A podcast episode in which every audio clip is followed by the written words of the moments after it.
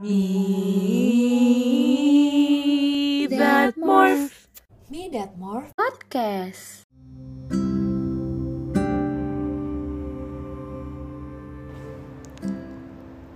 Aku diam menetap dalam kamar pengap dan berantakan.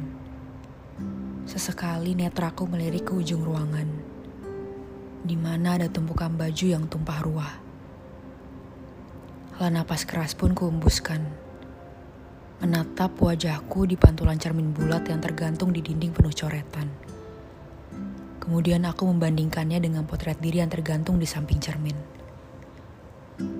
Mataku yang dulu penuh binar, kini layu dengan cekungan dalam dan menghitam.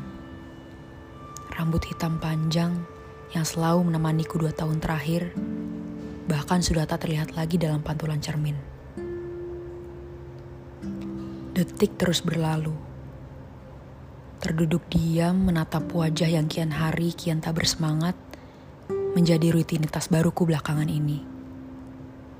Rasa cemas memelukku begitu erat, seakan teman lama. Terkadang aku heran. Aku masih bisa melihat pantulan diriku di cermin, sedangkan aku sendiri tak punya alasan untuk tetap di sini. Black dog, anjing hitam. Dulu aku sangat ingin memilikinya, tapi sepertinya yang aku punya sekarang bukan seperti yang aku inginkan dulu.